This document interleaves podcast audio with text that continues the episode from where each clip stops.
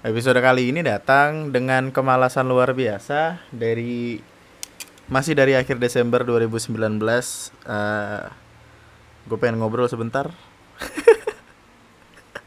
gue pengen ngobrolin beberapa hal yang gue pikirin barusan banget dan kayaknya bakal menyenangkan untuk tiba-tiba melempar tanpa tanpa ada kepikiran yang tidak-tidak tanpa perlu kepikiran kayak wah ini podcast lucu nggak ya gitu? Wah podcast ini berisi nggak ya gitu gitu.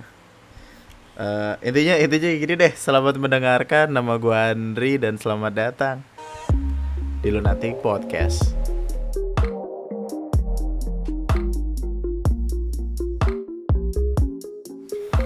Uh, gue nggak tahu ya. Mungkin mungkin lu bisa menyebut podcast ini sebagai podcast selingan aja gitu karena podcast ini dibawakan dengan dengan tanpa persiapan macam-macam dengan tanpa ada hal menarik yang melatar belakangi podcast ini gue cuman pengen ngajak lu ngobrol akan sesuatu yang baru gue sadari banget tadi dan gue kayak malu sendiri gitu loh sama apa apa yang baru gue pelajarin.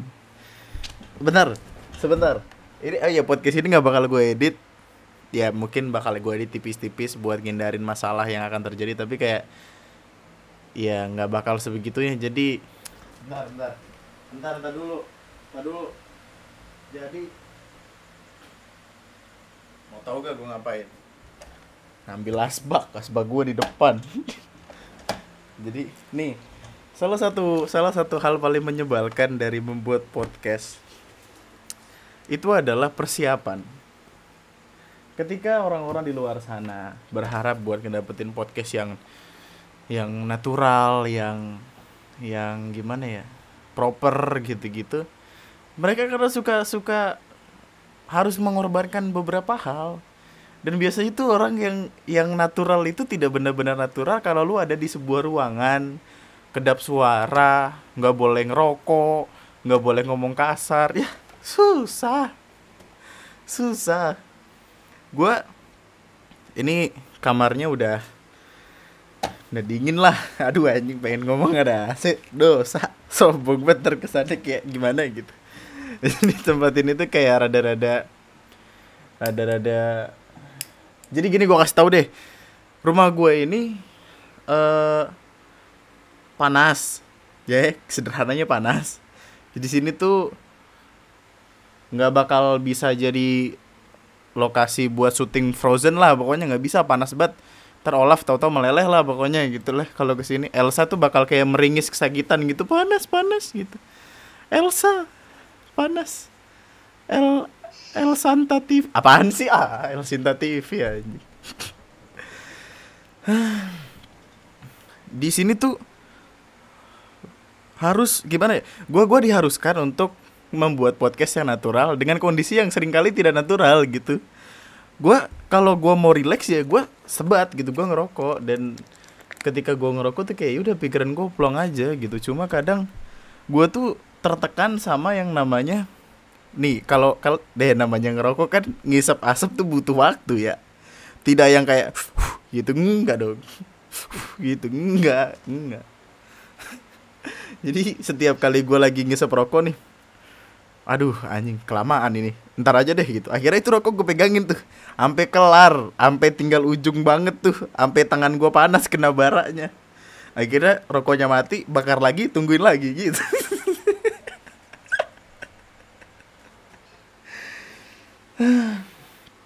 Jadi gue bakal sebat deh. Uh, coba coba lu dengerin aja saya saya lu lah gue sebat gue minum gue ngerokok. Enggak enggak gue edit bodo amat. Anggap aja ini ekstras anggap aja ini behind the scene biar gue ceritain beberapa hal sederhana dulu. Gue kan lagi bikin lagi bikin trilogi asmara ya yang PDKT pacaran putus.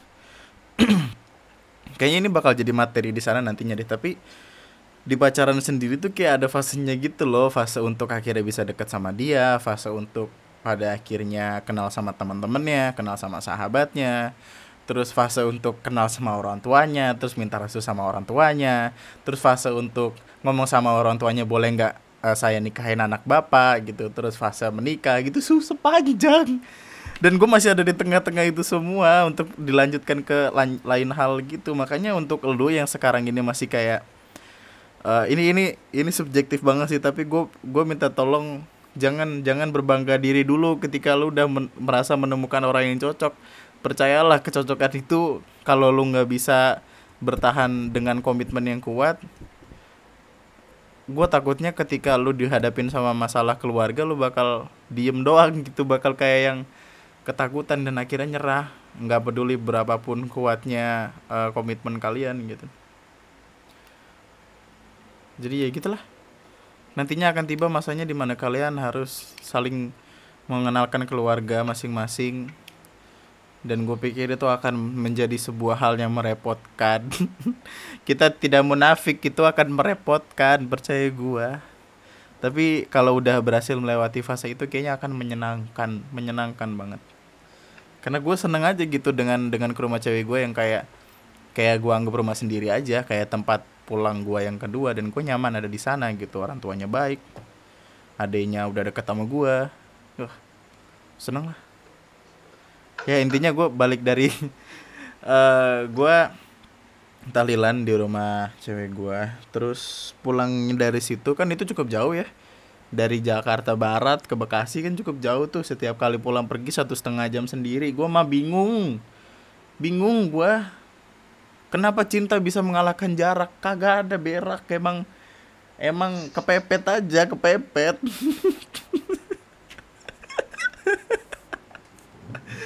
Aduh uh, ntar lu bakar dulu deh.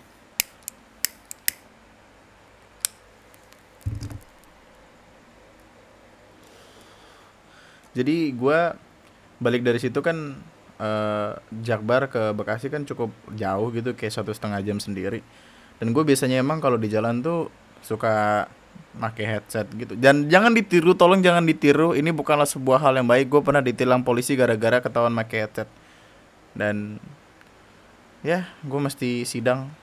Waktu itu soalnya emang razia resmi ya.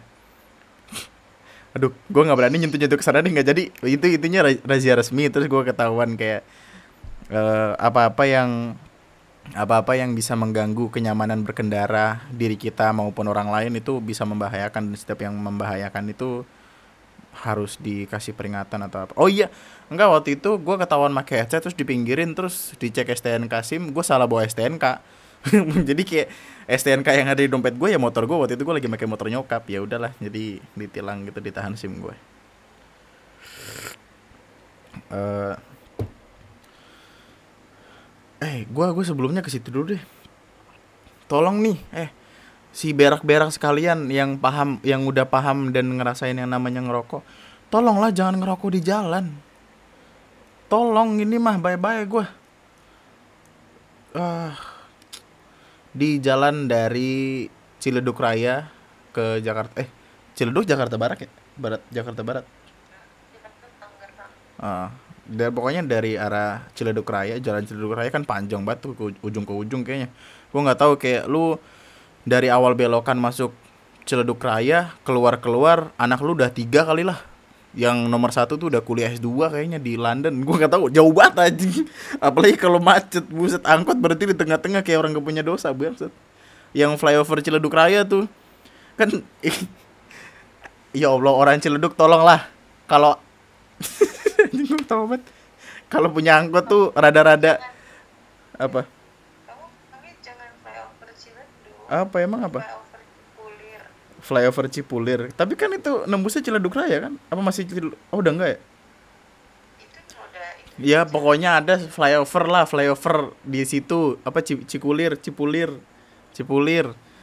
Itu bisa macet nih dari dari awal pertama naik flyover tuh bisa macet.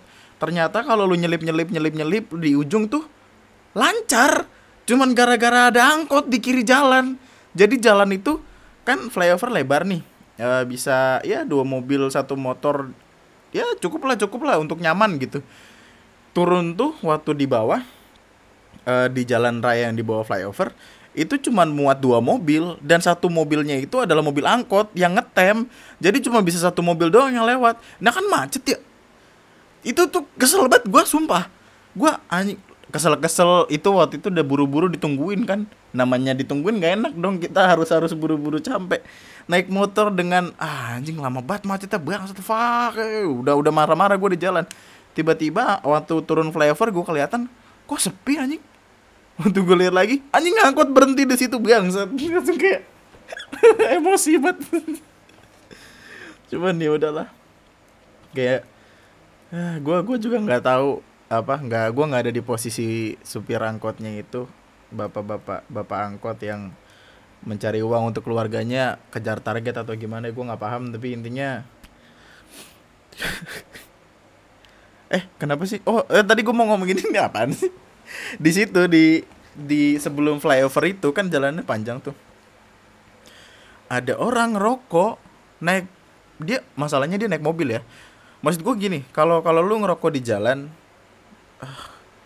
ini adalah hal yang salah tapi seenggaknya mungkin masih bisa dimaafkan ketika tangan lu tuh nggak nggak disetang dan agak ke bawah dikit gitu. Jadi baranya pun agak ke bawah dikit nggak nggak eye level gitu lah tapi ketika lu naik mobil dan lu buka jendela mobil terus lu ngeluarin abunya dari sana kan kena mata cok mata nih gitu lu ngerokok di mobil terus abunya lu buang keluar kan bisa bahaya juga ke gua. Mata gua bisa copot di jalan lu mau tanggung jawab lu mau nyariin kan kagak juga dong.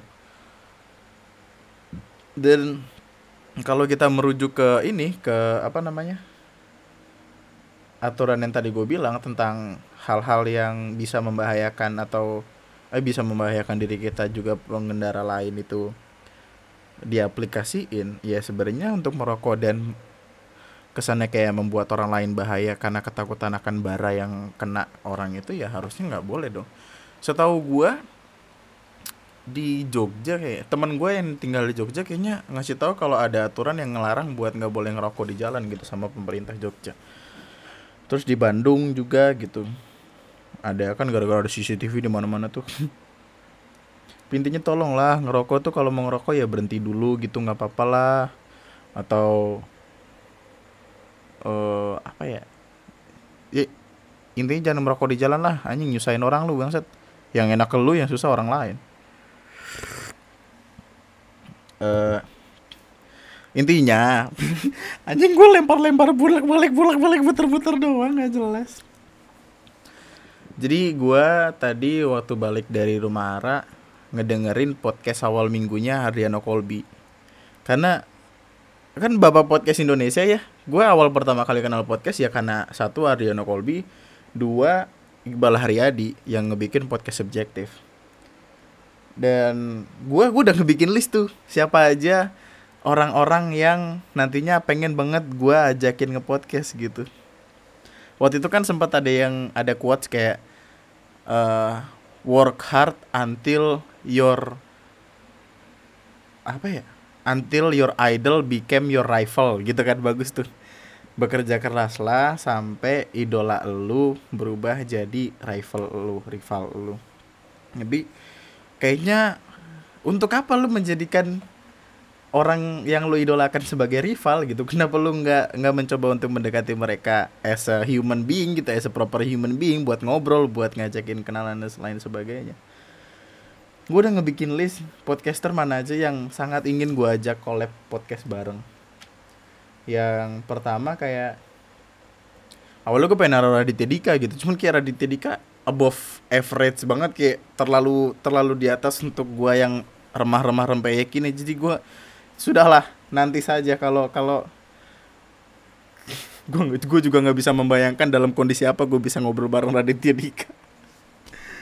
Uh, gue pengen ngobrol sama podcast bercanda gue pengen ngobrol sama pelacur pelacur pelan pelan curhat. Uh, eh, gue pengen ngobrol sama Ariano Colby Ariano Colby tuh kayak gue pengen sungkem sama sama beliau. Weh beliau. Sama Bang Adri karena emang ya yang ngebikin gue jadi sosok kayak sekarang ini ya kurang lebih influence dapat dari dari dia gitu. Terus Iqbal Haryadi. Terus kemarin siapa lagi uh, oh iya Bari Bari William. Jadi uh, eh, gue akhir-akhir ini lagi seneng banget nontonin ngobrol motornya Barry William. Barry William ini adalah salah satu stand up comedian yang gua ngikutin ngikutin dia tuh pertama kali dari dari Suci. Suci berapa ya? lupa gue lima kalau nggak salah. Pokoknya yang zaman ada Dodit eh yang ada Dodit lah kalau nggak salah. Sama Coki juga kayaknya satu musim sama Coki. Nggak tahu gua agak lupa lupaan tapi Bari itu sekarang personanya motor kan? Dan nanti juga Januari tanggal 25 gua gua udah beli tiket buat nonton Bari di uh, personal branding special show-nya. Gua kayak pengen ngobrol aja gitu. Hah? tanggal 20 apa 25 25 orang pas Imlek. Imlek tanggal 25 Imlek, Imlek tanggal berapa sih? Ya pokoknya itulah. Lu ganggu orang aja lu berantem lah lu intinya ntar gue pengen nonton itu Bari karena emang gue seneng aja gitu. Dan gue bahkan gue udah gue bahkan udah menyiapkan beberapa hal. Kalau semisal gue diajakin kayak eh gue gue boleh collab sama apa bang Bari terus uh, eh, gue udah ajakin collab balik gitu untuk nanya-nanya tentang motor. Gue udah nyiapin tuh jawaban jawaban udah udah siap dari sekarang seneng aja gitu. Dan deket juga jadi kayak uh, sama-sama di Bekasi jadi salah satunya itu. Kayak Ariano Kolbi Iqbal Haryadi Barry William terus Hersal sama Anjas. Podcast pelacur siapa sih? Lupa gue namanya ada beberapa orang yang emang udah udah terpampang gitu untuk gue gue penasaran sama gimana pola pikir mereka sudut pandang mereka akan dunia dan akan sangat menyenangkan kayaknya untuk gue tahu. Karena podcast ini udah ngebawa gue pergi ke tempat-tempat yang gue nggak bisa nggak pernah bayangin sebelumnya gitu. Gue gue nggak pernah membayang gue nggak pernah menyangka untuk bisa dapet uh, orang-orang baru kenalan-kenalan baru yang yang ya 11 12 pemikirannya sama gue gue kenal semua itu jalan untuk menuju perpodcastan duniawi itu dibuka ketika gue kenal sama uh, Eja. Sama Reza Subroto yang dulu sempat ngebikin podcast sudut suara kumandang. Awalnya gue di sama Eja di DM deh di DM di DM sama Eja terus uh, ngajakin collab gini gini gini gini gini gitu. Terus akhirnya kayak yang dari dari itu lumayan lucu sih. Jadi gue diajakin collab Uh, bisanya kapan nih? Soalnya kami kami uh, ngikutin jadwal jadwal kita kita bikin bikin biasa aja deh gitu. Gua gua ngikutin jadwal lu aja gitu. Gue bilang kan ya udah rabu aja gimana? Gua bego gue lupa tanggal. Ternyata rabu itu besoknya besok. Ya allah jadi gua nggak nyiapin apa apa tuh. Langsung nembak aja. Langsung ya ya udahlah sekenanya lah gitu. Tapi podcast itu menjadi salah satu podcast yang paling gue sukai gitu karena banyak banget pelajaran dan emang podcast itu tuh lucu aja gitu. Bang Gaber tuh main lempar joknya tuh kadang suka aduh gue pengen ngomong brengsek tapi nggak boleh kasar gitu. Brengsek. Gitu tiba-tiba yang waktu itu gue ditanya-tanyain dikit lagi.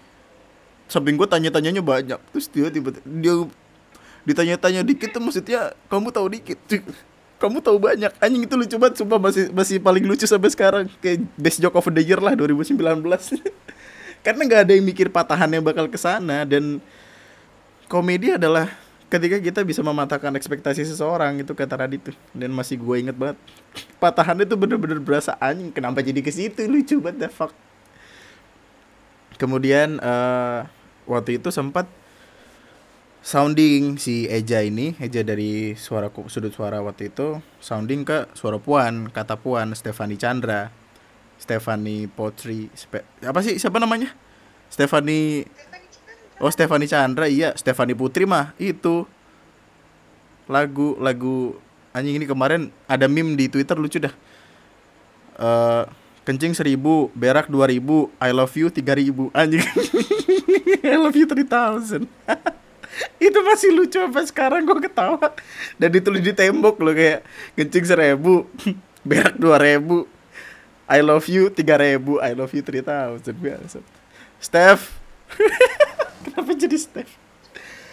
Kemudian waktu itu uh, eh, sempat ngeliat uh, interview atau talk show talk show yang ngundang Stefani Stefani Chandra ini pemilik kata puan dan suara puan terus Mr. Popo yang jadi kurator Doyusi Waraisi sama satu lagi siapa lupa gue waktu itu soalnya yang satu lagi udah pulang duluan jadi nggak sempat ngobrol nah waktu itu gue mulai kenal sama beberapa orang kenal kenal Steph kenal Mr. Popo kenal Dirham Dirham dari Lambe Malam kenal Eja dan di situ ngobrol-ngobrol sampai akhirnya ya kayak mulai terjalin komunikasi dan menarik gitu untuk hidup dengan mereka dengan cerita-cerita yang mereka punya. Akhirnya gue collab sama Steph gitu. Dan gini kita kita balik lagi tarik mundur lagi ke yang tadi gue balik. Gue balik dengerin podcastnya Adriano Colby. Gue udah uh, skip cukup lama gitu untuk ngedengerin podcast awal minggu dan gue dengerin lagi tapi dengerin dari episode episode sebelum sebelumnya terus gue dengerin episode keberapa tadi? Lupa gue oh yang ngebahas tentang masalah passion passionan itu loh. Terus di tengah-tengah tuh gue kayak kayak gimana ya? Bang Adri tuh dia cuman yang kayak eh eh eh eh eh gitu-gitu. Dan maksudnya ada ada keheningan yang membuat itu menjadi senatural itu. Seperti kayak kita lagi ngobrol sama orang tapi kita cuman berfokus dengerin doang. Jadi kayak nggak udah nggak peduli lempar aja gitu. Dan itu gue anjing ternyata emang harusnya begini dari kemarin Kenapa sih gue kayak terlalu terfokus sama membuat sesuatu yang hebat padahal sesuatu yang natural tuh lebih lebih menyenangkan. Terus tiba-tiba di, di tengah podcast ada suara kayak kresek kresek kresek kresek gitu. Nyari posisi tidur, ya Allah. gue seneng banget langsung. Harusnya gue begini, ngapain sih gue apa-apa gue pikirin banget, gue kesel. Dan gue tuh gue sadar ini juga ketika gue ngobrol sama Steph. Yang uh, episode 4 eh 40 ya? 40 episode 40 yang ngebahas tentang selingkuh selingkuhan berak gitulah intinya. Itu marah-marah tidak aman doang sebenarnya mas Steph. Podcast itu dibikin bener-bener senatural itu. Dan Steph juga emang gimana ya ngomongnya biar sopan ya? Anjing seneng banget untuk ngebikin podcast sama dia tuh. Kayak ya emang emang itulah obrolan yang harusnya terjadi gitu. Dan itu semenyenangkan itu. Makanya ngebikin gue kayak emang kayak gini harusnya podcast tuh. Tidak yang dipaksakan untuk ngebikin jadi bagus atau jadi kelihatan uh, proper dan lain sebagainya. Lu tuh cuma harus bercerita. Lu ceritain apa yang ada di pikiran lu lu kasih lihat sudut pandang lu eh lu kasih denger sudut pandang lu lu bikin orang-orang tahu dan ya udah gitu doang gitu. Nggak nggak perlu terlalu mikirin kayak gua harus bagus gua harus hebat kayak capek kayak gitu. Gua jujur-jujuran aja nih kayaknya di di episode 30 something lah 30 ke atas tuh gua udah mulai kayak los aja gitu. Gua gua menganggap podcast bukanlah hal yang menyenangkan lagi karena udah terpatok sama anjing aduh minggu ini belum keluar podcast lagi fuck gitu. Pasti ditanya-tanyain gue nih gitu-gitu. Jadi kayak terbawa beban yang tidak seharusnya gue pikirkan.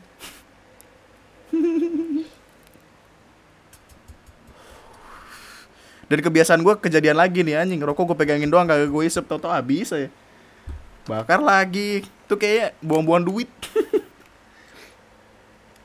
Jadi kayak ya udahlah. Kayak mulai mulai dari sekarang ini gue bakal lebih bikin podcastnya jadi ya udah begini aja gitu gue lempar-lempar aja dulu deh. Kalau nggak aman baru gue potong-potong gue buang. Mungkin salah gue juga adalah uh, eh, gue kan kenal sama itu Mimin Kucluk yang ngebikin yang ngebikin podcast anime ani animania animenia animenia.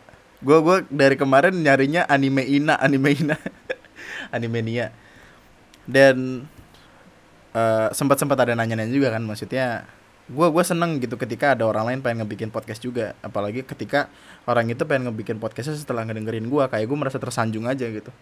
Seneng seneng intinya. Terus nanya gitu terus aduh nggak boleh disebut lagi namanya. Yaudah mimin ini. Mimin ini nanya ke gua. Eh kalau kalau bikin podcast tuh perlu bikin skrip nggak sih? Gitu-gitu. Terus kayak dia ngomong sebenarnya eh, gini deh omongannya omongannya belibet intinya dia itu ngebikin podcast dengan eh, list poin yang sebenarnya sederhana tapi entah kenapa karena karena improvisasi dan lain sebagainya jadi panjang banget. Dibilang tuh sampai tiga jam. Buset podcast tiga jam gue bingung itu gimana ada ceritanya tuh. Gue kalau ngelihat podcast gue anjing tiga jam capek sendiri gue ngelihatnya ngeditnya males gitu. Tapi di sisi lain gue ngelihatnya kayak itulah gua gitu. Episode 1 sampai episode 10 yang lu dengerin podcastnya tuh poin-poinnya gue bikin ya sesederhana itu kayak yang eh, episode 1 deh lu nanti podcast episode 1 yang bagian menyendiri dan menjadi sendiri itu podcastnya cuman gue bikin poin kayak satu gue adalah tipikal orang yang tidak suka keramaian. Udah gitu. Nggak suka keramaian. Terus gue jabarin pakai bahasa gue eh, maksudnya langsung langsung stay langsung di podcast lah gitu. Nggak nggak gue tulis lagi. Sekarang sekarang ini tuh gue waktu nulis skrip poin-poinan itu udah berubah menjadi sebuah hal yang menyebalkan banget. Terlalu ter terdetail gitu. Jadi gue nggak punya improvisasi yang mendalam akan itu. Jadi gue ngebikin itu kesannya jadi nggak nggak natural dan bener-bener bikin diri sendiri kesel. Nih eh, sebentar. Lu nanti podcast episode 41 41 kan yang kemarin ya? 41 yang gua ngebahas. Oh ngebahas PDKT nih buat buat lu juga yang yang nanya gua "Eh, bang kalau bikin podcast tuh ada ada skripnya nggak sih? Ya gua bakal bilang ada tapi cukup poin-poinnya aja. Cuma akhir-akhir ini poin yang gue bikin tuh jadi bener-bener detail kayak eh nih selamat Natal dalam kurung ucapan selamat, selamat Natal dan tahun baru dalam kurung bakar-bakaran podcast ini bla bla bla bla gitu. Gue pernah punya cerita menarik tentang PDKT gitu. Dan ketika gue ngebikin podcast dengan skrip ini itu tuh terlalu terlalu strict gitu loh. Jadi gue nggak bisa ngelebarin ngelebarin pikiran gue ke mana-mana. Meskipun bagus untuk gue tetap ada di susunan tertentu tapi ketika gue terlalu ngeliatin skrip ini gue bakal terkekang dan malah jadi bingung sendiri. Apalagi gue tuh orangnya punya OCD obsessive compulsive disorder dan gue juga terlalu perfeksionis sama sesuatu.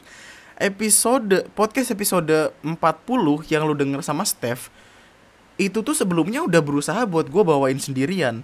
Tapi itu gue record dari jam se- 10 atau 11 sampai jam 4 pagi sampai subuh berkumandang. Itu kagak jadi-jadi. Karena gue terlalu punya pikiran kayak wah anjing nggak jelas banget nih podcast. Ulang ulang ulang. Wah ini bagusnya setengah doang. Yaudah setengahnya cut deh setengahnya bikin baru. Wah kok jadi nggak nyambung? Ulang lagi dari awal. Gitu terus.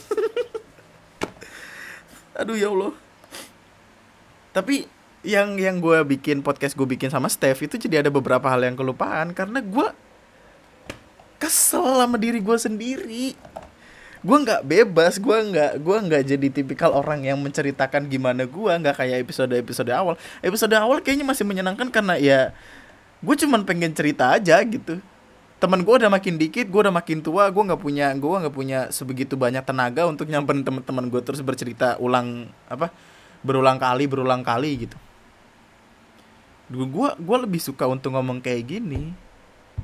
Tapi ketika itu menjadi sesuatu yang tidak lagi menyenangkan ya podcastnya juga akan jadi membosankan.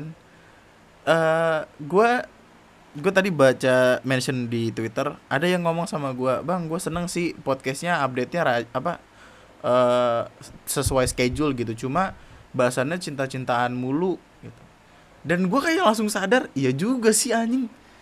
Cinta-cintaan mulu ya. Padahal kan hidup gak selamanya cinta gitu. Terus gue sebenarnya gue nge-podcast buat apa gitu. Ketika kita mulai memaksakan sesuatu apa-apa yang dipaksakan tidak tidak akan berakhir baik seperti halnya hubungan-hubungan lu itu. Hubungan lu yang dipaksain nama pacar lu yang sebenarnya pacar lu itu udah diem-diem selingkuh? Tidak baik kan? Aduh. Makanya waktu waktu gue ngedengar podcast Adriano Colby podcast awal minggunya Adriano Colby gue kayak ngerasa kenapa gue nggak kayak gini lagi? Gue sempat ada di titik itu kenapa gue cabut? Kenapa gue lebih mentingin uh, apa ya namanya ya pasar. Aja nggak paham lagi gue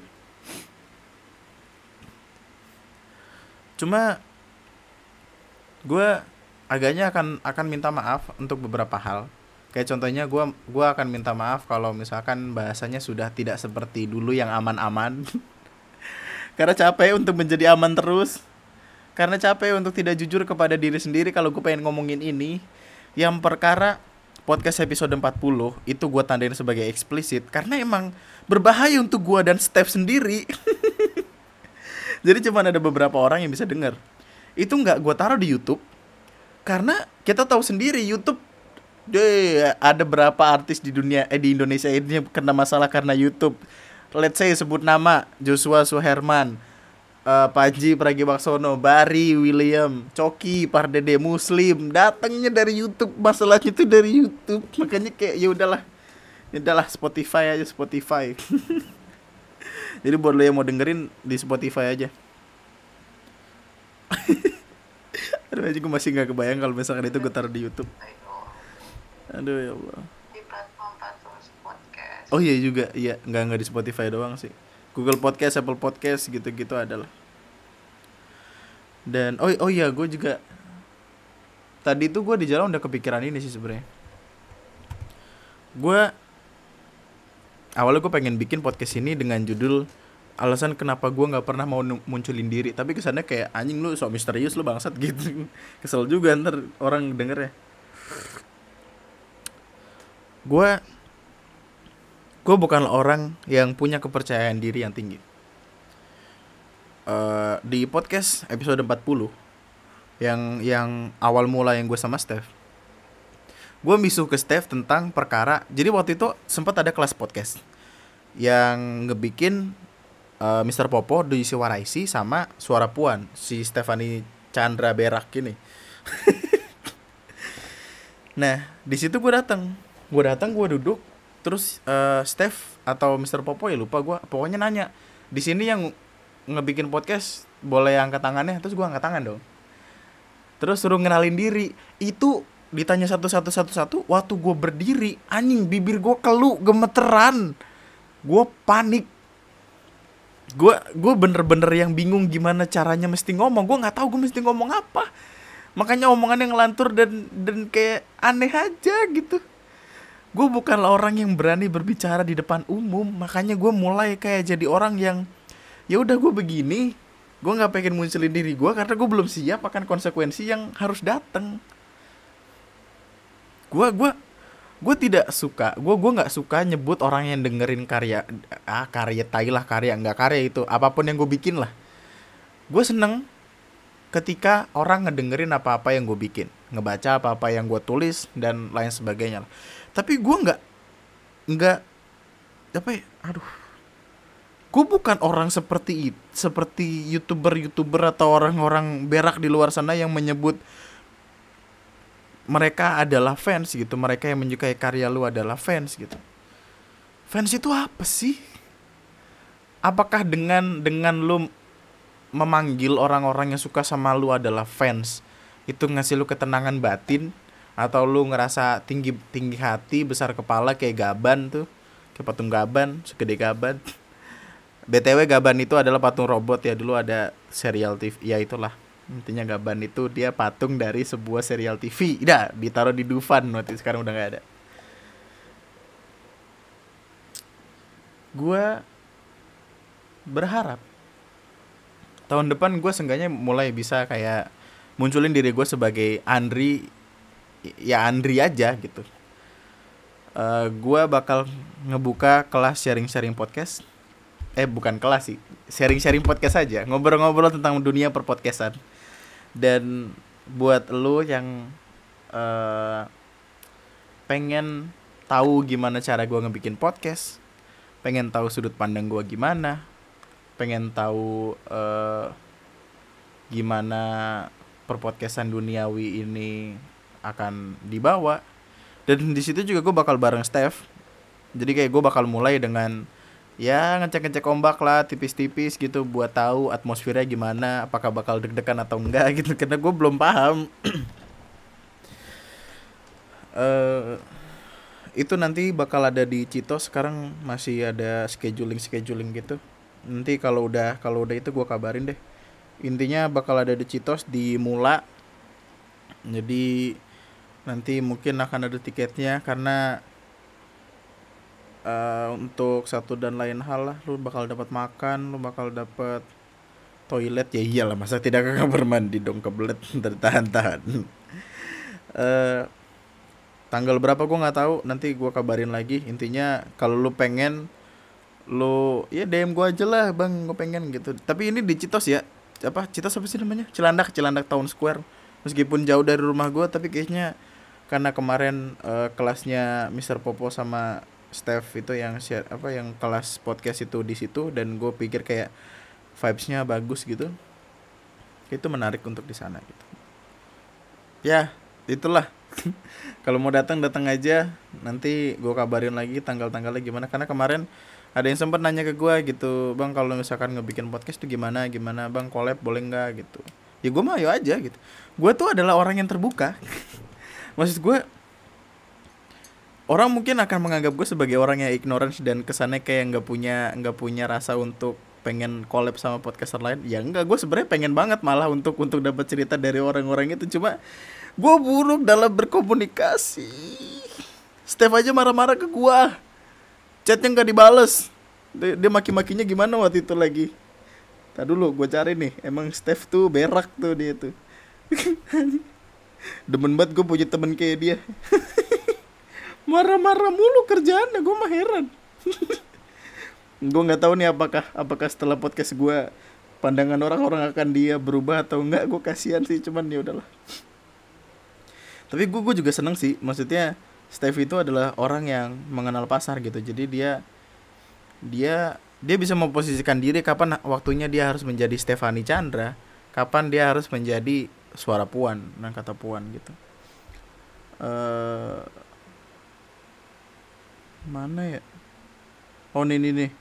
terus kan gue gue bikin story gitu terus dia nge-reply woi gitu.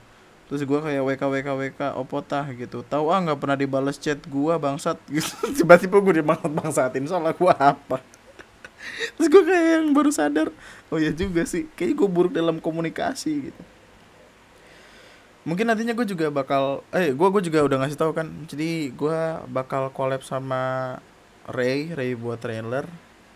Tapi itu juga nggak tahu kapan waktunya. Gue pengen bikin podcast bareng Dera teman tidur tapi timingnya belum tepat karena Dera kan di Bandung ya. Gue pengen bercerita lebih banyak. Gue pengen ngasih sudut pandang gue ke lo karena gue bukan apa-apa gitu. Maksudnya adalah ketika ketika gue sendiri bahkan udah nggak tahu langkah gue mau ke mana gimana mungkin lu bisa hadir dan ngedengerin gue bercerita tentang sesuatu? Kadang gue pengen untuk jadi orang yang kayak dulu. Maksudnya gue adalah pencerita yang suka didengarkan atau sesuatu yang emang gue penasaran aja gitu. Nggak yang tiba-tiba dapet topik terus memaksakan diri buat ngomongin ini dan itu. Akhir-akhir ini kayak judul-judul yang ada tuh kayak ya bukan bukan pengen gue banget aja gitu. Kayak gue nanyain orang eh enaknya bahas apa ya? Oh bahas ini kali ya. Terus gue memaksakan diri untuk mencari keresahan dari sana padahal keresahan gue nggak di sana dan kayaknya untuk kasus cinta-cintaan emang bener dah. Kayak gue harus mulai mulai menyadarkan diri gue kalau cinta-cintaan itu tidak akan selamanya uh, menarik gitu kalau terus-terusan kalau kebanyakan gitu. Apa pembahasan tentang percintaan itu adalah sebuah pembahasan yang nggak akan ada habisnya gitu.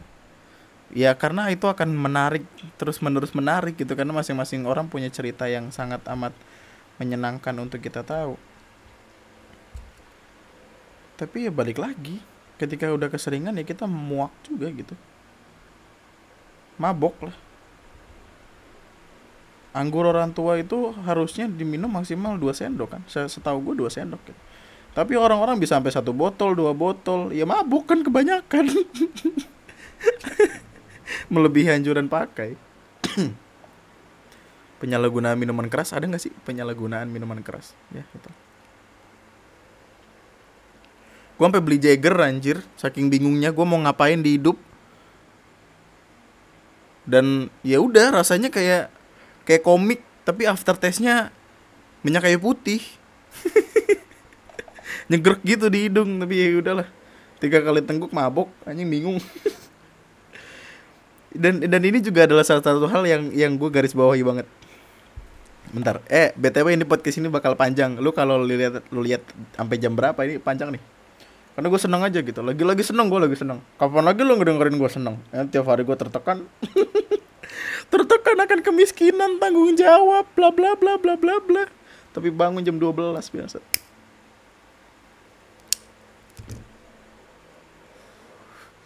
Kita aduh sorry nih gue gue mau minta maaf karena lu udah terlalu ngedengerin ini. Tapi kita nggak bakal tahu gimana rasanya jadi seseorang gimana sudut pandang kita akan seseorang ketika kita nggak pernah ada di titik itu.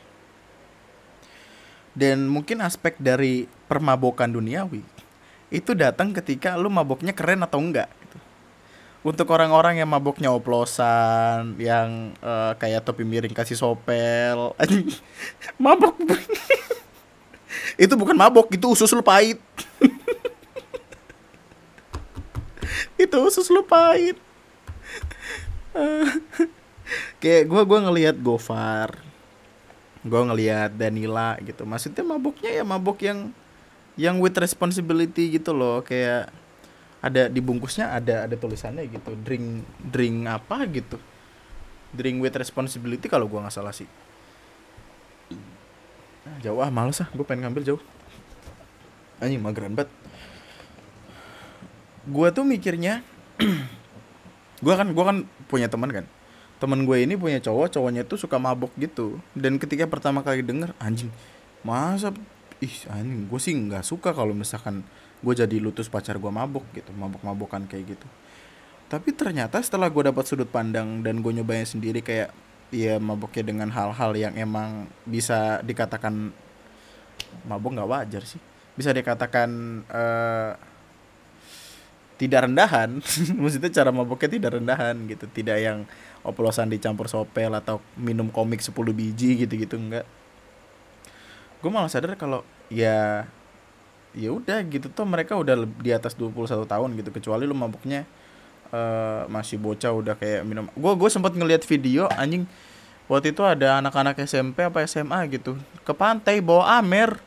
Ya Allah dan ditengguk langsung dari botolnya anjing lu kalau ada yang lihat video itu lu share aja dah ke gue lu kirimin ke gue biar gue bagiin anjing. Itu lu coba bangsat.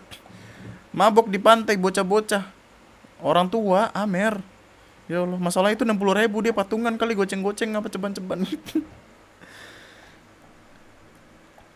Mabok yang bermodal gitu lah. Kayak ya ada tanggung jawab di sana gitu. Gue gue udah nggak ngelihat orang mabok sebagai orang yang rendahan lagi kayak oh iya ini adalah cara mereka untuk uh, sekedar rehat dari apa-apa yang mereka pikirin gitu. Karena ya rasa-rasa mabuknya itu tidak tidak yang berlebihan sampai kayak kan emang mabuk ke sana negatif ya. Tapi ya balik lagi ke tadi gitu mabuk with responsibility. Anjing mabuk with drinking. Ya gitulah. Intinya intinya kayak lu lu mesti harus ada di titik yang sama kayak sesuatu yang lu judge dulu sebelum lu boleh yang namanya bener-bener mutusin sesuatu itu baik atau buruk. Karena gue rasa itu udah nggak ada lagi yang namanya baik atau buruk sekarang. Kecuali itu sudah objektif gitu. Gue gua sempat punya pikiran kayak gini waktu itu gue lagi di jalan naik motor sama Ara nganterin dia balik. Kan gue kalau ngobrol sama dia waktu waktu nganterin dia balik doang soalnya lama batu dari ujung ke ujung anjing sampai pusing pala ngeliatin. Jalanan panjang panjang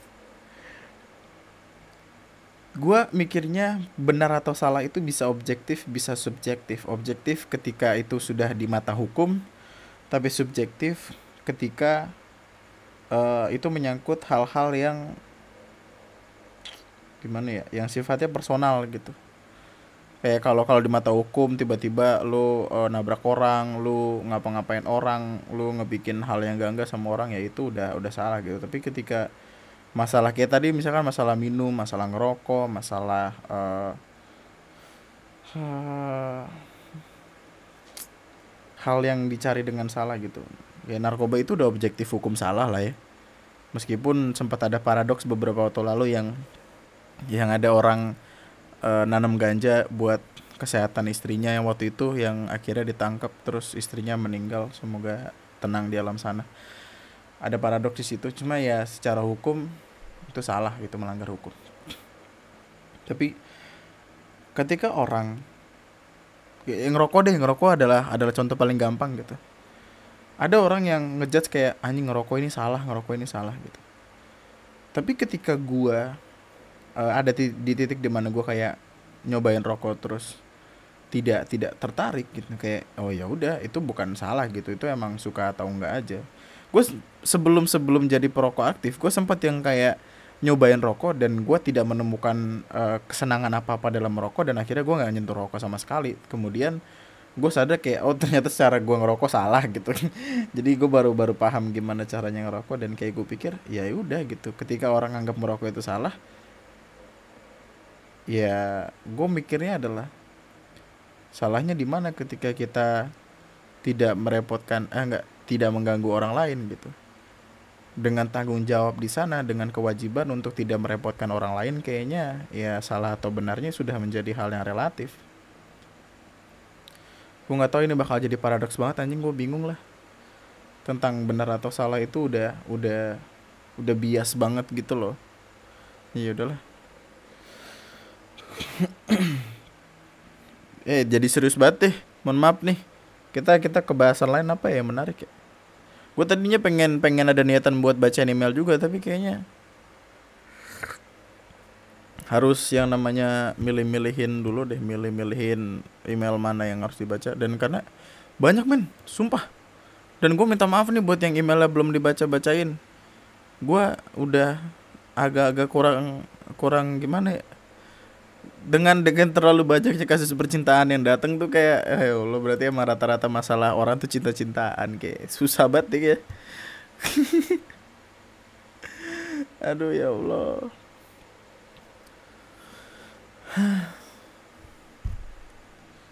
Ya intinya di podcast ini gue pengen ngomong yang tadi itulah. Gue gue pengen menjadikan podcast ini jadi senatural mungkin lagi ngebalikin ngebalikin podcast gue jadi tempat yang nyaman untuk didengarkan untuk nemenin lo di jalan dan ya mungkin nemenin lo tidur karena gue sadar semakin tidak ada jeda gitu di antara setiap omongan gue dan itu ngebikin orang capek ngedengerin ya. Dan ada nada tonnya tuh juga kadang tinggi kadang tinggi banget gitu. Jadi orang yang pengen ngedengerin sambil tidur jadi nggak bisa. Uh, mungkin trilogi trilogi trilogi asmara PDKT putus PDKT pacaran putus itu nanti mungkin bakal gue lanjut di episode 45 aja ya biar kayak nggak bosan sama cinta-cintaan mulu. Kayak capek juga cinta-cintaan mulu. Gue sebenarnya udah rada-rada rada-rada gimana gitu kayak butuh rehat dulu aja lah. Jadi ya gitu. Uh, kita ke ya deh kita baca email deh Mm, mm, mm, mm. Tapi ya udahlah bacain aja. Tapi tidak tidak akan terlalu spesial ya. uh, bang, nama gue Nisa. Gue baru aja lihat podcast lu yang bahas sedikit tentang patah hati. Jadi gue punya sahabat, kita udah sahabatan 10 tahun Dan takbiran kemarin dia ngelamar gue Oi, selamat hubungan kita awalnya lancar-lancar lancar bang tapi akhir-akhir ini gue ngerasa ada yang berubah. Emang kita nggak pernah mesra kayak pasangan lainnya. Akhirnya kemarin dia bilang mantannya yang nggak bisa dia lupain chat dia. Cewek itu bilang masih nunggu dia.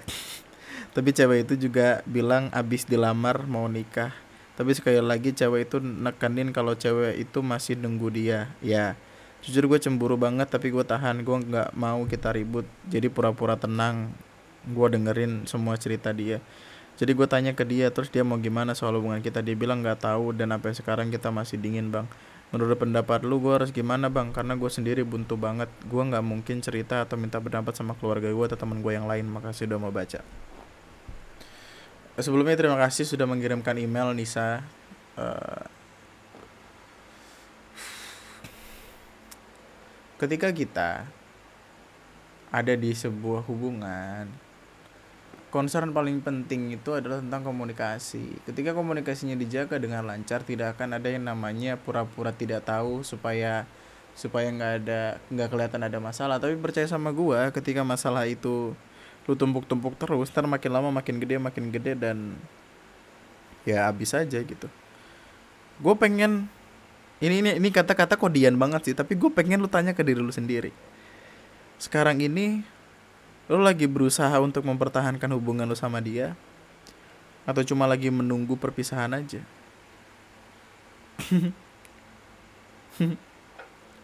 Kalau misalkan lu lagian juga cowoknya goblok dah ngapain sih lu mau apa ngapa ngelamar-ngelamar orang tapi masih belum move on sama cewek? Kan goblok ya maksudnya kalau lu nggak bisa konsisten sama satu cewek ya udah jangan jangan ngelamar-lamaran kayak gitu. Gila lu goblok jangan pacaran kalau lu masih pengen masih ada harapan sama mantan. Dan dia gini dia punya cowok nih. Cowoknya uh, udah ngelamar dia tapi cowoknya ini tiba-tiba dicat sama mantannya cowok mantannya. Tapi mantannya ini sendiri mau nikah. Apaan sih kan? Apaan dah? Gila emang. Udahlah nggak usah nggak usah dipersulit. Lu eh gini gua kasih tau aja nih lu yang pahit-pahit lu omongin dulu dari awal tuh. Karena percuma ketika lu nantinya uh, lu tahan-tahan terus lu deket sama dia. Terus lu jadi nikah sama dia tapi akhirnya dia deket lagi sama si mantannya itu. Jangan. Sakit hati ntar. Ntar nyalainnya nyalain keadaan lagi. Janganlah. Kadang keadaan itu tidak salah. Kita yang bikin keadaan itu jadi salah. Asik. Kayak itu tau gak lu? Kayak kayak siapa sih namanya? Yang lagu tuh kemarin. Tau gak lagu? Putarlah kekei ke ke ke kanan. Ke ke ke kemarin tuh azek azek mulu. Azek. Ke ke bocah baru baru gaul tau gak yang azek? Which is azek. Azek dasmu azek. Uh, oh ya ini ada email lagi. Selamat malam kak, nama gue bla bla bla bla. Asal Makassar. Gue mau curhat, mau curhat sih Enggak, gue oh mau curhat sih enggak. Gue cuma mau bilang kalau gue suka sama podcast lu kak. Ya terima kasih banyak. Podcast lu gue dengar ketika gue dinas jaga. Entah kenapa gue lebih fokus jaga ketika telinga gue diisi oleh suara lu kak. Oh makasih. Awalnya sih entah kenapa podcast lu yang episode 3 ada di beranda YouTube gue. Ya gue iseng lah nonton dan ternyata seru lucu parah gila. Wih seru lucu parah gila yo. Itu kalau ada orang kayak gitu kayaknya kasihan ya kalau misalkan ada beneran orang gitu kayak dia udah seru lucu parah gila. Hidupnya nggak tenang tuh pasti itu. Ngorek-ngorek tempat sampah ya kan ketawa-tawa. Maaf itu ofensif.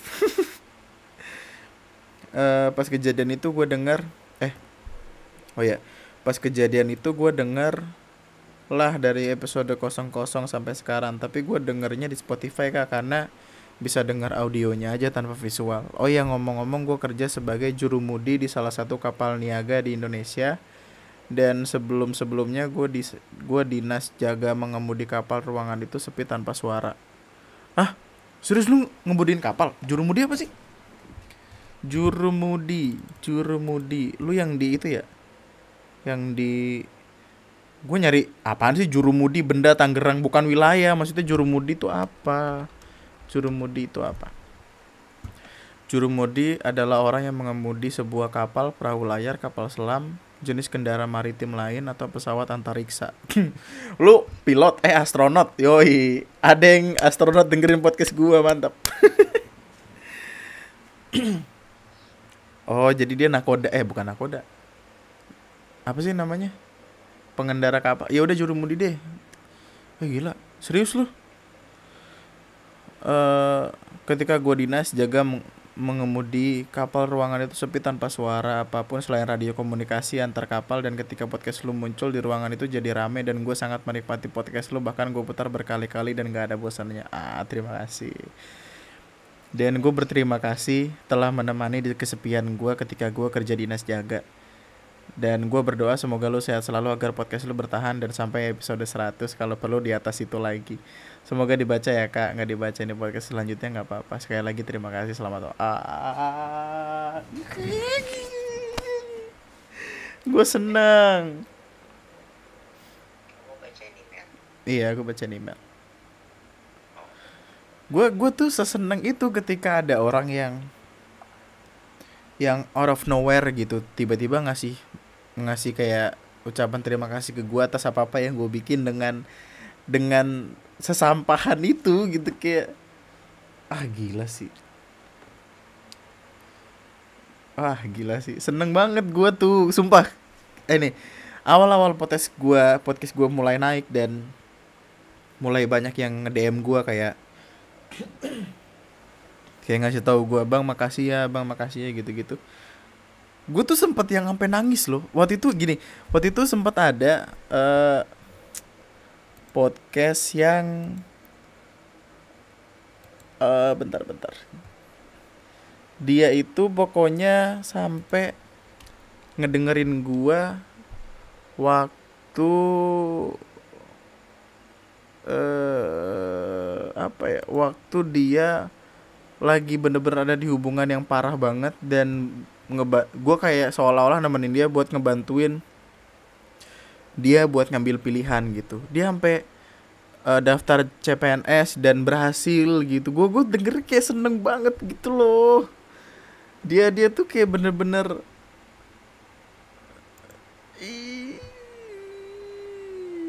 mau nangis sampai rasanya tuh. Waktu itu kayak sampai meneteskan air mata. Gue seneng ketika orang lain seneng. Ketika mereka seneng dengerin gue gitu apa sih? Itu tidak jelas banget hidup cuman ya udahlah intinya gue gua mungkin akan jadi terlalu sering buat ngomong gini nih tapi terima kasih banyak untuk siapa pun lu orang di luar sana. Gue tuh sampai bikin postingan sendiri gitu loh. Eh, apa gue bacain aja ya? Gue bacain deh kan gue orangnya melodramatik gitu kan kadang-kadang. Anjing. Eh, ini tentang ini adalah pertama kalinya gue bikin tulisan panjang gitu deh rasanya sudah cukup lama saya tidak benar-benar menulis dan bercerita jujur saya rindu rindu sekali pada setiap jatuhnya aksara yang kadang menyelinap masuk ke hati dan diam-diam mampu membuat lengkungan indah di bibir rumpun masyarakat yang selalu berusaha untuk tetap terlihat kuat. Cepat sekali bulan berganti. Cepat sekali raga saya dipertemukan dengan mereka yang binar matanya berbeda. Pemilik cerita hebat yang tidak akan pernah saya sangka eh yang yang tidak pernah saya sangka ada di dunia. Saya dipertemukan dengan wanita langka yang teman-teman saya bilang kalau saya tidak akan lagi menemukan yang seperti dia. Dan iya, saya bisa dengan lantang mengamini itu. Pasalnya, saya sadar kalau saya akan berantakan kalau ia tidak ada. Saya dipertemukan dengan kawan-kawan baru yang hadir membawa ambisi berlebih. Memang kadang menjengkelkan, tapi di sisi lain saya berterima kasih karena itu bisa saya jadikan dorongan untuk berani mengambil satu atau dua langkah lebih maju ke depan. Lalu, saya juga dipertemukan dengan orang-orang menyenangkan yang sudah secara sukarela hadir dan tidak hentinya menyemangati lewat cara mereka sendiri. Rela menghabiskan kuota hanya untuk mendengarkan saya berbicara. Rela membuang waktu untuk sekedar tersenyum dan membuat saya merasa berguna. Teruntuk kamu yang namanya tidak bisa saya sebutkan satu persatu, terima kasih. Terima kasih banyak karena sudah dengan senang hati membuat sosok yang bukan siapa-siapa ini menjadi berarti. Tolong tetaplah bahagia. Tolong tetaplah baik-baik saja. Jangan lupa untuk tetap tersenyum pada hari yang asam sekalipun. Karena seperti yang Pidi Baik katakan, untuk apa kita bersedih ketika kita tercipta dari dua orang yang sedang bersenang-senang? Jadi ya, ih, gue seneng aja gitu.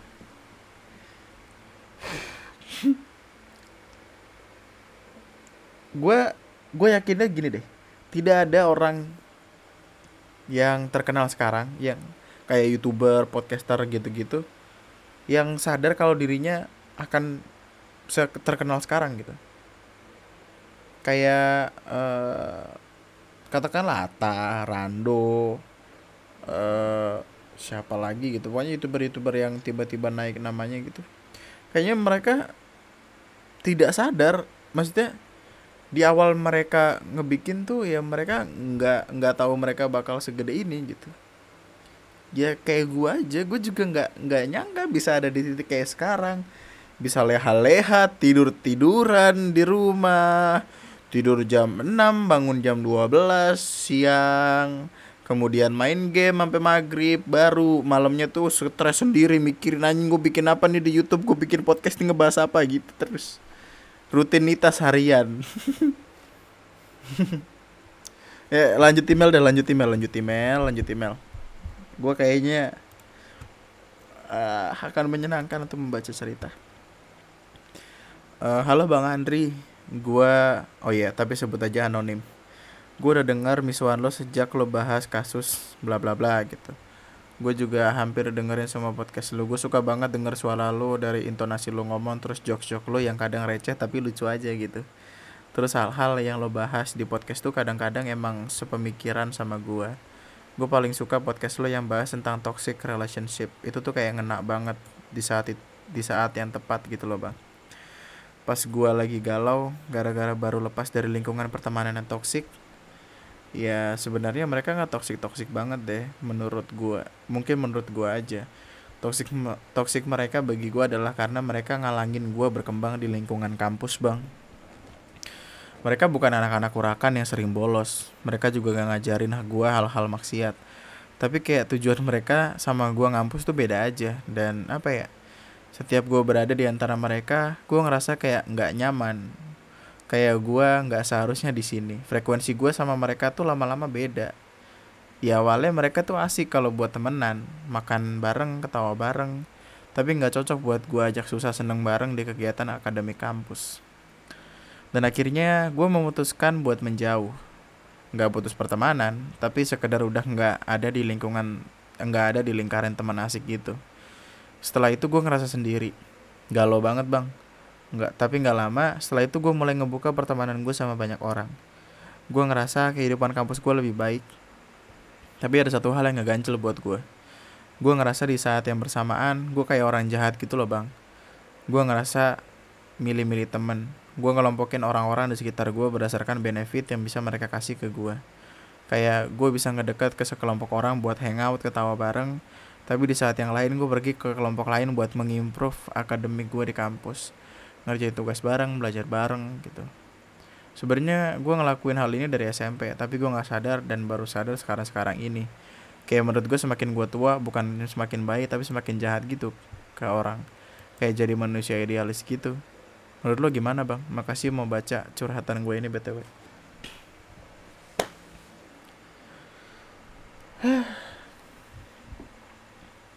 itu adalah pilihan yang tepat sih menurut gue meskipun uh, akan menjadi bumerang sendiri di di lain waktu gitu.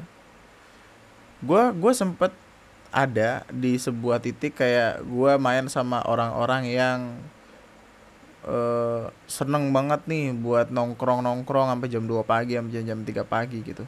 Tapi gue juga nongkrong sama orang-orang yang ngebahas tentang masalah tugas masalah kerjaan dan lain sebagainya.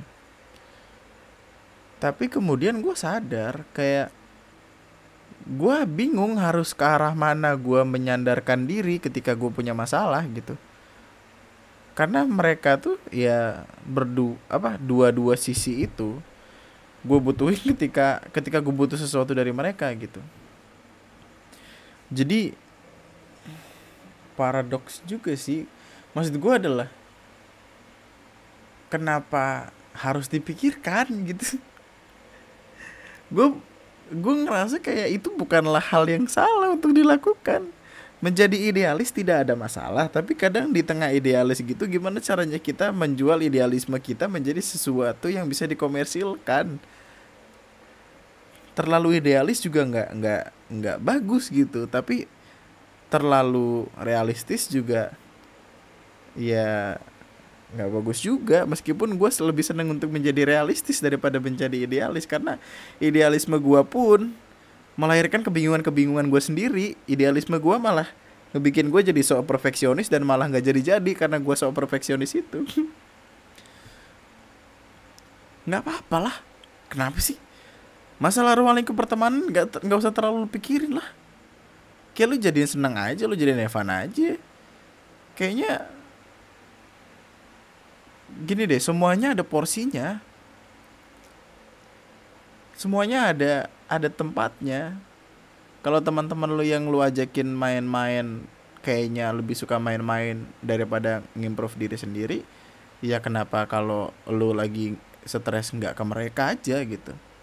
Karena untuk menjadi idealis pun ketika kita bener-bener sungguh-sungguh buat ngerjain sesuatu apa lu yakin lu nggak bakal stres sama apa-apa yang lu pilih bukan dalam artian lu kalau lagi stres ke mereka doang gitu tapi kayak yang kenapa apa-apa harus mikirin konsekuensi dan lain sebagainya? Kenapa nggak yang ya udah nyemplung aja main-main aja kalau mau belajar belajar aja. Dan kalau lu disuruh milih buat gua harus milih yang ningkatin intelijensitas gua atau ningkatin mood dan kesenangan gue gue nggak tahu. Gue bakal milih dua-duanya sih. Pertemanan yang asik itu kayak gimana gitu. Dan ah. Anjing gue gue nggak punya cukup banyak temen sih untuk kebandingin sama diri gue sendiri. Dan emang nggak nggak perlu dibanding bandingin juga nggak baik. Tapi kayak lu mau ke mana ya? Lu yang cari tahu lah kalau lu pengen nyari teman yang asik ya lu cari yang asik. Kalau lu galau karena toxic relation eh toxic friendship yang lu punya ya lu cabut aja. Untuk apa ada di sebuah ruang lingkup yang lu nggak nyaman ada di sana? Gue bahkan baru-baru ini habis nyoret salah satu orang dalam hidup gue untuk gue jadikan teman karena karena udah nggak ada lagi yang bisa gue cari dari dia dan gue kesel aja bawaannya kalau ada dia gitu. Dan itu nggak apa-apa gue gue selalu gue selalu punya pikiran kayak kalau gue bisa hidup tenang ngapain gue pusingin sih? Kalau gue bisa hidup dengan apa apa yang gue pilih kenapa gue pusing sih? Ketika kita nggak yakin sama pilihan kita sendiri kita bakal bingung gimana caranya buat berdiri. Bakal goyang aja bakal cuma cuma kena angin goyang. Lakuin apa yang lu suka lakuin apa yang jadi kesenangan lu lakuin apa yang lu pengen buat ada di sana waktu itu eh kemarin ya kemarin kayak gue bilang kayak gini kita akan dipertemukan dengan orang-orang seperti kita. Kita akan dipertemukan dengan orang-orang seperti kita. Dan kalau belum kalau lu belum nemuin orang-orang kayak gitu ya udahlah ntar gue ketemu. Yang penting jangan nutup diri aja. Tetap welcome aja sama orang sih. Kalau lu nanya gue gimana menurut lu gimana bang? Apa yang salah sih dari menjadi idealis apa yang salah sih dari menjadi realistis? Kayaknya dua-duanya baik-baik aja selama nggak berlebihan. Live your life. Senang-senang banyakin ketawa banyakin cerita. Kalau misalkan ada yang ngehalangin kesenangan lu lu tepis saya lah. Buat apa mikirin banyak permasalahan hidup yang nggak penting? Ada maaf maaf. Gue gue nggak tahu ngelantur banget tadi jawabannya. Ya udahlah. Ya allah. Eh ini rokok ini eh korek ini berisik bentar. Eh gue gue btw mau cerita dah. Kan gue abis itu ya gue tuh beli necegik yoi. Gue beli ensik uh, jadi gue sempet ngeliat videonya Uus kan. Ya gue nonton gue nontonin Uus. Gue nontonin Uus gue nontonin Dedi Om Deddy Corbuzier. Dan dua-duanya tuh kayak ada rokok yang tipikal rokok yang kayak vape gitulah. Jadi kayak rokok elektrik tapi sebutannya bukan vape tapi pot. Terus gue kayak penasaran ya udah gue beli deh. Itu sebenarnya bisa untuk mengurangi mengurangi niatan gue buat merokok karena setelah gue nyobain pot dan gue beralih ke rokok lagi itu kayak rokok malah berubah jadi hambar aja gitu. Karena mungkin nikotinnya kalah atau gimana gue nggak paham. Tapi boncos juga anjing satu kotak yang buat refillnya isi empat. dua ratus ribu ya Allah. Sedih juga sih. Tapi kayaknya kalau emang kalau emang niat buat make itu ensik terus dan uh, niat buat berhenti rokok kayaknya itu pilihan yang tepat sih. Tapi ya akhir-akhir ini gue malah kembali menemukan kenikmatan dalam merokok apalagi tadi tadi itu Tadi kan sebelum berangkat ke rumahnya Ara, gue sempat makan terus habis makan ngerokok. Bu anjing enak banget enak banget. Kenikmatan duniawi. Salah satu kenikmatan duniawi. Aduh.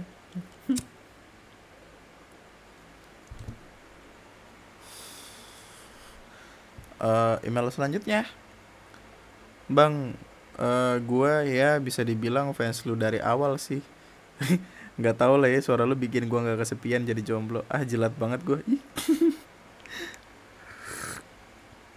Jadi gini bang gue bingung sama temen gue ya iya sih jujur gue suka sama dia tapi gue gue tahan diri karena gue tahu dan sadar diri ini rekan mantan gue nah dia ini rekan mantan gue rekan mantan oke? Okay? jadi gue nggak mau bilang tapi gue yakin dia tahu bang. Cuma agak bingung kenapa ya bang dia nih ya dia nggak ada angin nggak ada hujan nggak ada badai. Ngebaikin gua nggak nggak ada balas. Apaan sih? Ngebaikin gua nggak nggak nggak ada nggak ada balas wa gua jangankan balas. Buka aja kagak bang. Oh ngabaikan gua. Ya allah ngebaikan dong. Ngabaikan gua. Nggak nggak ada balas. Ya allah tolong ngetik. Ngetik bantu gue untuk membaca. Kalau ketikannya susah gue nggak paham. Jangankan dibalas dibuka aja enggak bang. Tapi dia masih update lihat story IG dan WA gue gue kecewa aja kenapa kok tiba-tiba harusnya dia jelasin masalahnya kan. Tapi kenapa dia diam tiba-tiba? Padahal kita tuh padahal kita udah deket banget ya biar temen tapi ya rasa pacar sih. Teman rasa pacar atau gimana? Lu jelat tiba-tiba dia ngomong sayang. Teman rasa pacar ya mungkin gue aja yang baper sama dia kali ya. Agak emosi sih. Coba dia jelaskan kalau memang karena gosip gak enak ntar antar musisi lokal di sini yang ngomong gitu jangan diam kenapa bawa bawa musisi lokal? Siapa ya musisi lokal? Ini cowok enaknya diapain coba bang? Asli emosi rasanya gue pengen nyamperin rumahnya tapi ntar dikata bucin kan males gini kalau misalkan dia tiba-tiba hilang tanpa alasan ya udah positif thinking aja mungkin ada yang lebih cakep dari lu makasih jahat mendengar sendiri di roasting ya Allah Uh, bang, sebelumnya gue mau bilang terima kasih karena podcast lu udah bikin hidup gue agak cerah. Jadi gini bang, gue lagi bingung nih. Bang, gue tuh sekarang lagi bingung banget bang. Iya apaan sih? haha jadi gini bang. Gue lagi bingung nih bang. Gue sekarang lagi bingung banget bang. Kenapa ya setiap gue mau deketin cewek gitu gue selalu ngerasa nggak pantas aja gitu buat ngedeketinnya. Kayak ngerasa gue nggak kaya akan fisik gue dan gue nggak kaya akan harta meskipun nggak punya gue punya dua bola mata tetap aja gitu gue ngerasa dia bakal pandang gue sebelah mata. Azik Uh, dan alasan ini yang buat diri gue masih sendiri. Gue minderan soalnya bang. Siapa tahu abang bisa ngasih sedikit pencerahan bang. Makasih ya bang udah bacain saya terus bang. Amin. Ini lu mesti baca eh mesti dengerin podcast gue yang kemarin deh yang tentang PDKT itu. Tapi kayaknya di situ belum terlalu spesifik sih. Uh, eh, gue gue selalu percaya cewek itu akan luluh ketika dia sadar kalau kita adalah tempat ternyaman buat dia pulang jadi yang lu nggak ada yang perlu mikirin kayak uh, gimana ya jangan merendahkan diri lu dengan berpikiran kalau lu nggak bakal bisa de deketin dia dengan apa-apa yang lu punya sekarang. Jangan jadiin kekayaan sebagai dasar jangan jadiin uh, kegantengan sebagai dasar. Jadiin kenyamanan cara ngebikin dia nyaman sebagai poin penting landasan paling utama gitu. Ini gimana ya? Hmm akan terdengar jahat ketika gue apa-apa gue bandingin sama diri gue sendiri. Padahal gue sering bilang untuk jangan membandingkan sesuatu. Tapi gue pengen lu pede aja dulu. Karena percaya gue kenyamanan akan seseorang itu nggak bisa dibeli. Kecuali lu ya gadun atau sugar daddy lu bisa ngebayarin ngebeli kenyamanan dia. Tapi ya rata-rata orang ya santai-santai aja gitu. Mereka nggak ada yang langsung secara langsung ngelihat uh, gimana ya? Gue gue selalu tidak mempercayai love at the first sight. Karena lu bisa ya jatuh cinta pada pandangan pertama kemudian ilfil pada pandangan selanjutnya. Tapi ketika orang jatuh cinta pada pandangan pertama eh enggak enggak maksud gue salah salah tapi ketika orang nyaman pada pertemuan pertama, pada obrolan pertama, kayaknya itu yang malah bikin jadi jadi memorable gitu buat orang. Dan gua gua harap lu bisa kayak yang lebih menjadikan ini sebagai dasar gitu. Instead of being charming or rich or something, kayaknya akan lebih bagus buat lu ya bikin tiba-tiba bikin dia nyaman aja. Jangan ngebikin dia jatuh cinta pada pandangan pertama tapi bikinlah buatlah dia nyaman pada obrolan atau pertemuan pertama. Itu anjing gue suka batu karena FYI ya hubungan gue yang sekarang datang karena gue nyaman waktu pertama kali sama dia. Gitu. Ada. Eh gue gue lupa ini udah ternyata udah lama banget. Sorry nih kelamaan malah jadi curhat panjang terus ngebacain jadi ke mana-mana gitu. Uh, intinya gue gue pengen ngucapin sekali lagi terima kasih banyak buat siapa pun lo yang ngedengerin podcast ini. Nantinya podcast ini akan gue bikin ya kayak gini lagi aja gitu. Gue nyender gue sebat gue minum kopi tidak yang tertekan akan hal-hal apa pun. Terima kasih untuk siapa pun lo yang sudah stay sampai sekarang. Tetap dengerin gue apa pun kondisinya. Tetap mau tetap rela buat gua temenin waktunya meskipun kadang obrolan gue sampah jok-joknya rendahan joknya kembalian sasa ya kan receh. Waduh. Kita kita cheers dulu cheers cheers. Cheers ya cheers sama diri sendiri aja uh, itu aja buat buat podcast gue kali ini. Sampai jumpa di podcast gue selanjutnya. Lu bisa subscribe channel TNM uh, atau lo bisa follow juga uh, Spotify, Google Podcast, Apple Podcast seperti biasa. Ya seperti yang biasa gue promosikan lah. Lumayan promosi. Lo bisa follow Instagram gue di @lunatictwister, Twitter juga @lunatictwister. Uh, kalau lu pengen ada naruh iklan-iklan atau apa, dibuka mantep ngapa? Aduh ya Allah. For any business inquiry, email aja ke newrhii@gmail.com. Butuh butuh butuh ngasih makan kucing, butuh. ya Allah kucing gua sama gua aja mahalan kucing makanan ya, Pak. Ya. ya tapi gue sayang sih sama kucing-kucing. Ya udahlah. Uh, itu aja nama gue Andri sekian dan coba dong DM Siapa aja nih yang sekiranya ada di Jakarta dan berniat untuk menyambangi sharing-sharing podcast, ngobrol podcast bersama Lunatic Twister dan Suara Puan di Cilandak Town Square di Mula Mula Public Public apa ya? Public Office atau Public Relation apa sih gua nggak tahu tempatnya pokoknya gitu. Dem. Nanti kita data. Semoga cukup untuk membuat gua pede dan semangat. Karena ya kayaknya gue bakal bakal seneng gitu untuk ada orang. Enggak, gue gue ngecek kompak aja sih. Gue kayak mau belajar gimana caranya public speaking yang baik dan benar. Kayak gue selama ini busuk aja deh. Pede waktu depan ada mikrofon doang. Selain itu langsung jiper aja. Udahlah itu. Thank you. Selamat malam selamat tidur